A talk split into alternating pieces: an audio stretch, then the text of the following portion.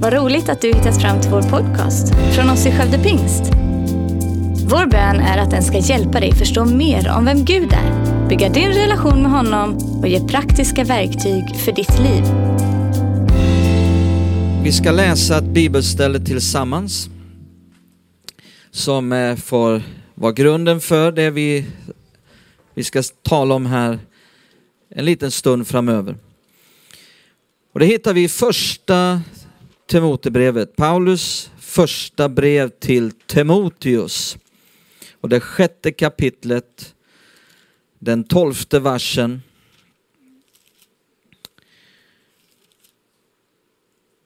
Så står det följande. Kämpa trons goda kamp. Grip det eviga livet som du blev kallad till och som du bekände dig till genom att avge den goda bekännelsen inför många vittnen. Idag har jag då den stora förmånen att få inleda ett riktigt spännande sommartema. Vi har ju kört detta med sommartema under flera år nu och jag tyckte att det har varit så otroligt givande eh, varje gång vi har gjort det. Vi har satsat på sommaren, vi är inte en kyrka som tar något sommaruppehåll utan vi satsar på, på sommaren. Vi tror på sommaren som det heter i sången. och, eh, men vi tror på så mycket mer och det är det vi ska tala om. Eh, och eh, det, det här sommartemat kommer nu då att löpa under 12 söndagar framöver. Eh, temat är Vi tror. Ett tema om trons grundstenar. Vi kommer att utgå ifrån den apostoliska trosbekännelsen. Kanske du är med här idag, har aldrig hört talas om den tidigare, men bara sitt lugnt. Du kommer att snart få veta vad detta handlar om. Eh, kanske att många av er också känner till vad, vad tros, eh, den apostoliska trosbekännelsen är. Vi kommer att bena isär den. Vi kommer att fokusera på varje ord, på varje mening. Vi kommer att eh, gå på djupet för att skapa eh, eh en, ett orubbligt fundament för tron. Men vi vill också se hur Guds ord skapar glädje, skapar liv i tron. Och därför vill vi också bland annat ha med eh, ett vittnesbörd varje söndag eh, om hur någon landade i tro på Gud. Där vi frågar oss eh, varför tror Tror du? Eh, vad orsakade att du landade i en tro på Gud? Hur kom du till tro? Eh, så de här vittnesbörden tror jag kommer också vara väldigt givande och spännande att få med under det här sommartemat. Eh, så, så mitt mål här idag, det är helt enkelt bara att, att sätta en plattform, eh, inleda, skapa eh, en bra grund för de söndagarna som kommer. Eh, och, och vi ska då till att börja med bara läsa trosbekännelsen. Eh, vi behöver fråga oss till att börja med här allra först, eh, den här apostoliska trosbekännelsen, vad, vad är det? Hur lyder den? Eh, när formades den? Hur formades den? Och, och, och så vidare. Så eh, låt oss bara läsa den till att börja med. Jag tror att vi får upp den på bild nu eh, och då står det så här då i den apostoliska trosbekännelsen. Vi tror på Gud Fader allsmäktig, himmelens och jordens skapare.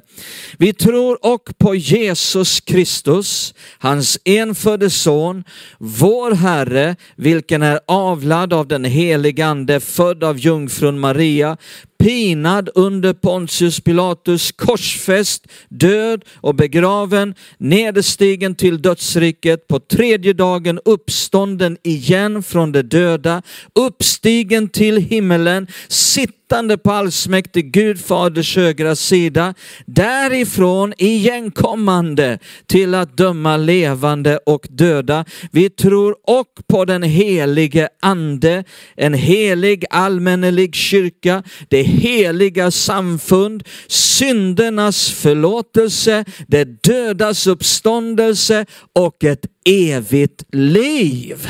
Alltså den här är, det är en fantastisk trosbekännelse. Jag känner mig redan välsignad av att bara kommit hit idag och fått läsa den här.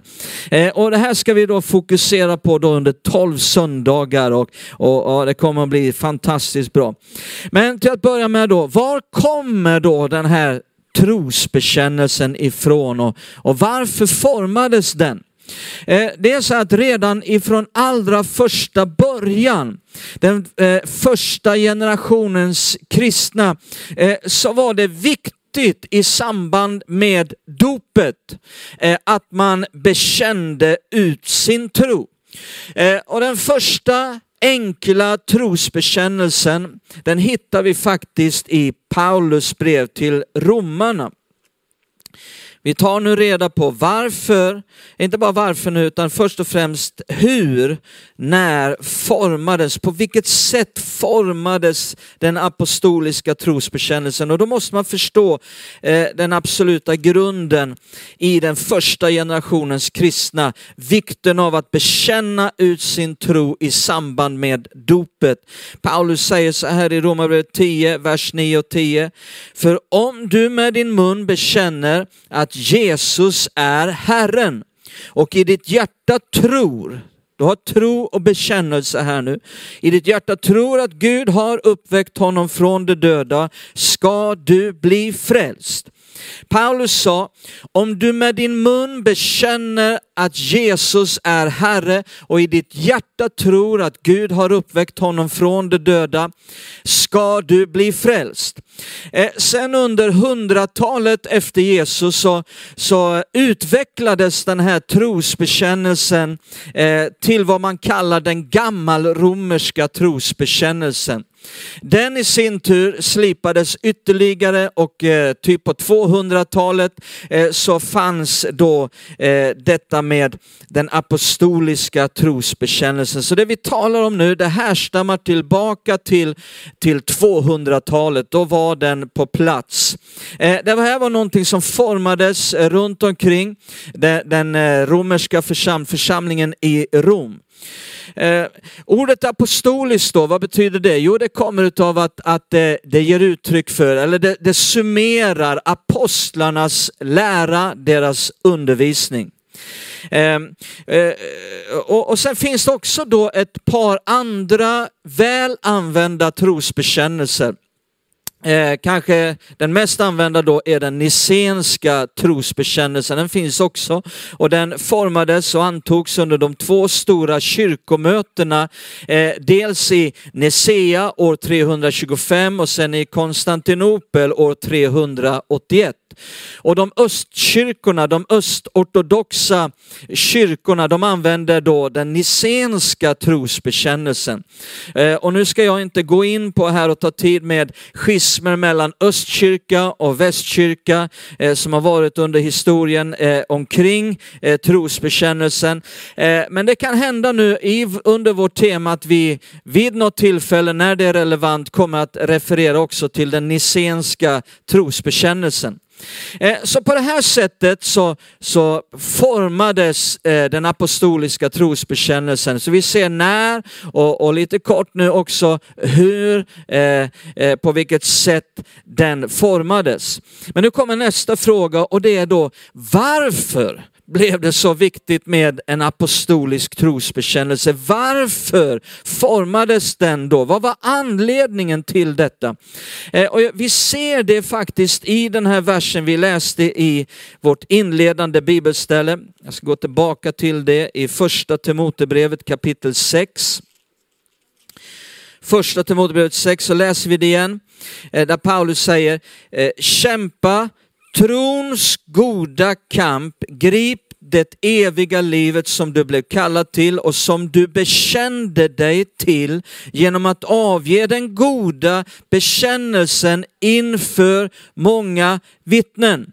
Vi läser också vers 13. Jag uppmanar dig inför Gud som eh, ger liv åt allt och inför Kristus Jesus som vittnade för Pontius Pilatus med, titta nu, den goda bekännelsen. Eh, så han talar här om den goda bekännelsen som, som Timoteus hade avlagt inför många vittnen, men som också Jesus bekände också, också, också han ut, den goda bekännelsen. Så varför formades den? Det första man behöver förstå då det är att, att bekännelsen är helt avgörande för frälsningen. Jesus sa att var och en som bekänner mig inför människorna, honom, henne, ska jag bekänna inför min fader. Ehm, så dopet sen Eh, har ända sedan den första kristna tiden varit den stora bekännelsen. Eh, dopet var den offentliga kungörelsen. Man kan inte skilja dop och bekännelse åt. Eh, det har varit så, det, det är liksom så intimt förknippat ända från början. Jesus sa så här, den som tror och blir döpt ska bli frälst. Paulus sa den som bekänner med sin mun att Jesus är Herre och i sitt hjärta tror att Gud har uppväckt honom från de döda ska bli frälst. Så både Paulus och Jesus talar om hur tron tillsammans med en bekännelse eh, eh kommer att leda till frälsning. Eh, så eh, tro och dop och bekännelse och frälsning hör ihop. Eh, så vad den egna bekännelsen gör, det är att det skapar en, en laglig rätt för Gud att eh, i, i den andliga dimensionen så skapar bekännelsen en, en laglig rätt för Gud att rädda någon från djävulens våld. Eh, som Paulus uttrycker det i Kolosserbrevet när han säger att, att Gud har frälst oss ifrån mörkrets välde och försatt oss i, den älska, i sin älskade sons rike. Eh, så utan bekännelse har Gud helt enkelt ingen rätt att göra detta.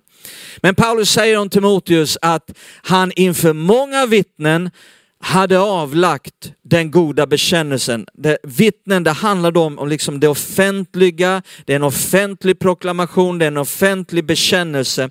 Så det här var någonting som var viktigt ända från den första kristna tiden. En bekännelse om tro eh, som var gemensam för alla de som trodde. Man bekände ut samma sak. Eh, så det, det, det, är det första man behöver förstå, eh, vikten utav bekännelse. Men sen i den här versen så ser vi också den andra anledningen till varför trosbekännelsen formades under de första 200 åren så tydligt som det gjorde. Eh, Paulus säger här i, i vers 12, kämpa trons goda kamp. Kämpa trons goda kamp. Eh, och, och, och det finns då, eh, så säger han vidare i versen, Eh, den goda bekännelsen. Han talar också om hur Jesus eh, talade ut den goda bekännelsen. Så vi har trons goda kamp och den goda bekännelsen. Det finns den goda bekännelsen och den goda kampen.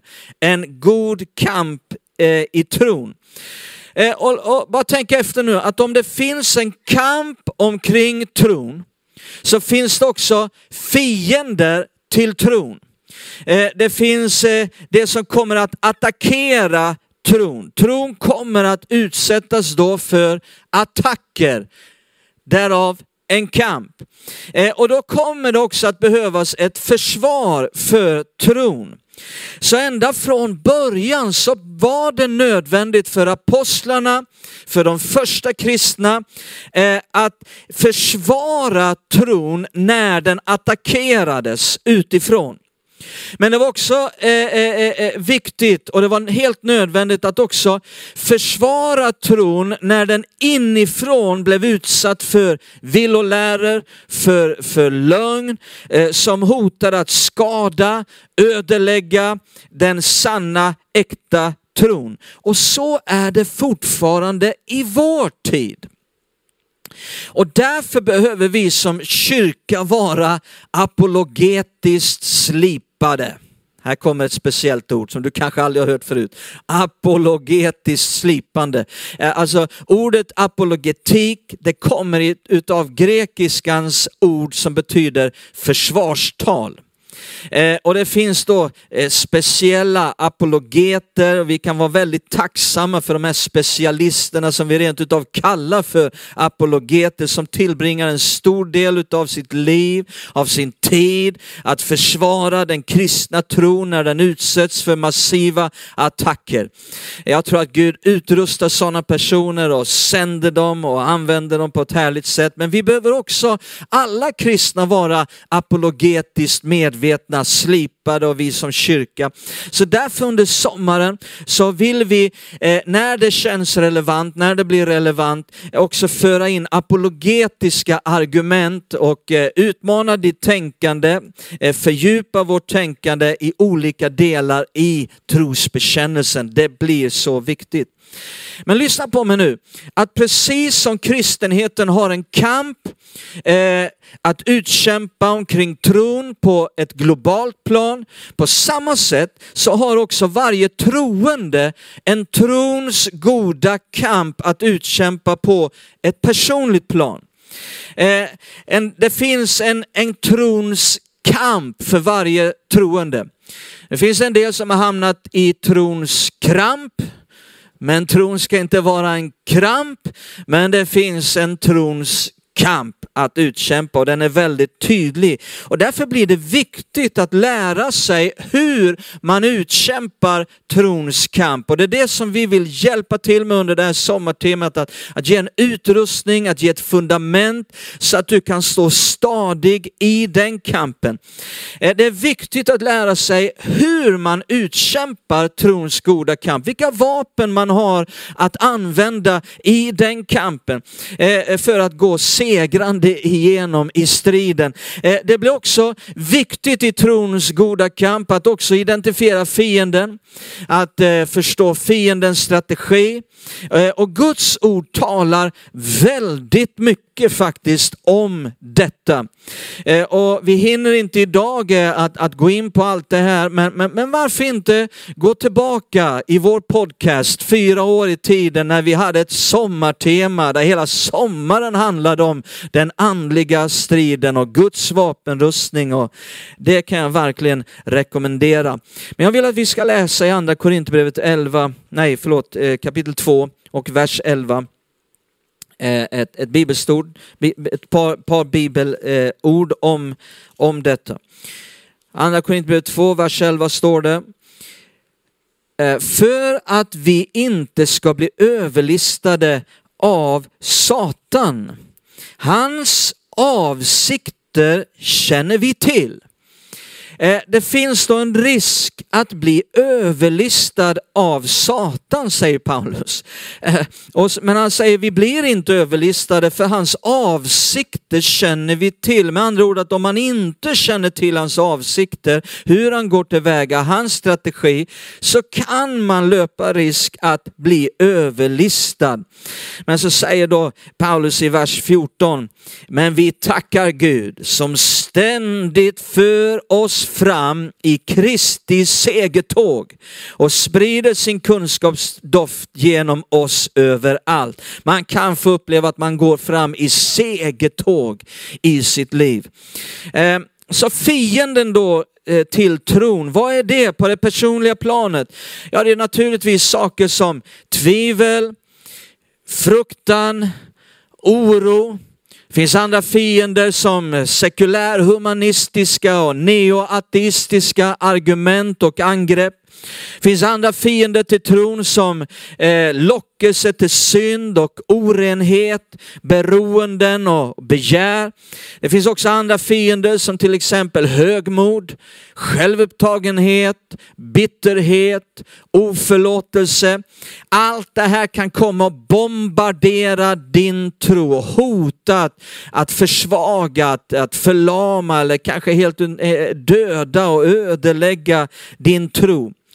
Och lyssna nu, vad är då det absolut främsta offensiva vapnet i trons goda kamp? Jo, det är den goda bekännelsen.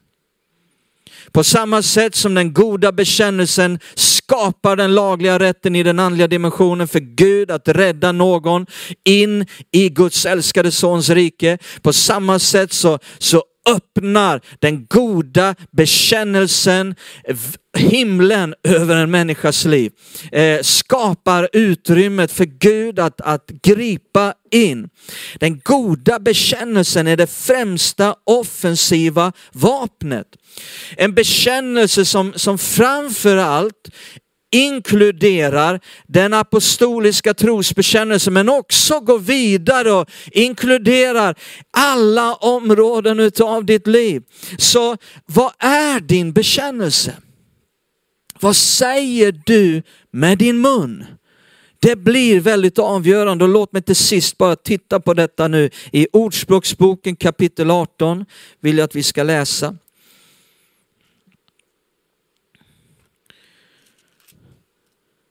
Så vi börjar med, med någonting stort, någonting, någonting vitt på det globala planet som, som har sin upprinnelse i de första århundraden av kristenheten och så kommer vi hem till vårt eget liv och trons kamp och bekännelse, trosbekännelse i vårt eget liv. Ordspråksboken 18 och 21 så står det, tungan har makt över död och liv. Det som gärna brukar den får äta dess frukt. Tungan har makt över död och liv. Se upp med vad du säger. Jag vill bara ge en kärleksfull uppmaning till dig som lyssnar idag. Se upp med vad du säger. Eh, om du upplever just nu i ditt liv någonting som, som, som du inte vill ha i ditt liv. Eh, det kan bero på vad du har sagt om dig själv, vad andra har sagt om dig själv. Vad säger du om dig själv och ditt eget liv? Du kommer aldrig att nå längre än vad du säger. Du kommer aldrig att bli mer än vad du säger. Eh, om du talar som att Gud är tummeliten och han förmår alls intet. Eh, om du talar som att kommer sjukdom, ja då ja, jag är den första som blir sjuk. Eh, om du talar som att eh, olycka och katastrofer, om det kommer, ja då löper vi lika stor risk som alla andra att stryka med. Eh, vad, vad, vad, säger du med din mun? Talar du ut att jag är ett stort fiasko?